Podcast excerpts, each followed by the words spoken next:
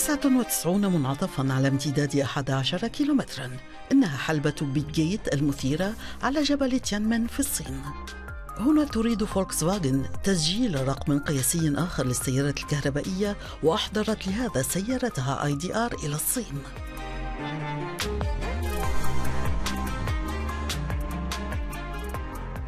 محاولة تسجيل رقم قياسي فوق الحلبة يعد عملا رائدا خاصة مع انعدام البيانات الدقيقة تقريبا بشأن المسار.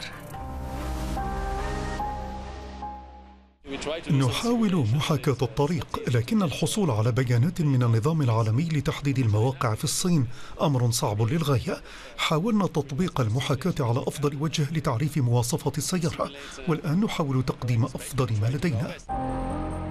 طبيعة المسار المتغيرة تضع فريق فولكس واجن للسيارات الرياضية أمام مهمة خاصة للغاية.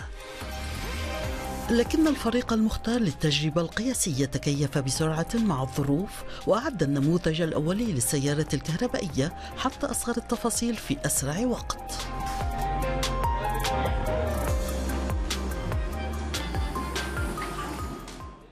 سيارة آي دي آر تخلو من المرونة الموجودة في سيارات عادية أو في سيارات الرالي.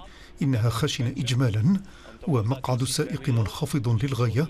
وإذا كان المنعطف حادا فلا يمكن رؤية الجزء الداخلي منه إلا بالكاد.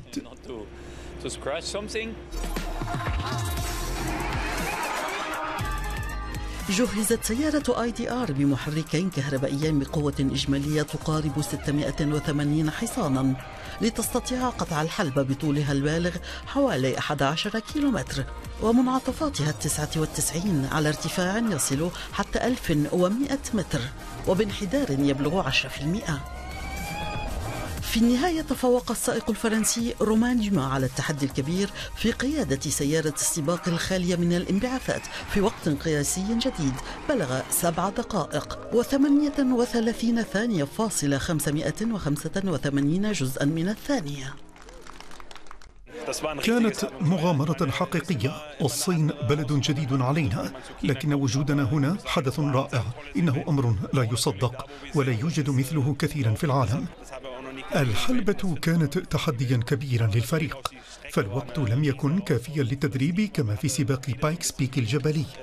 لكن أداء غوما كان رائعا كعادته.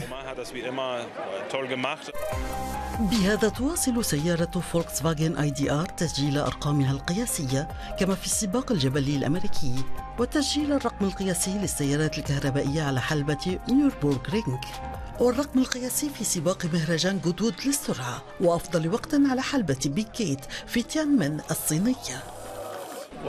كانت تجربة ممتعة وسريعة.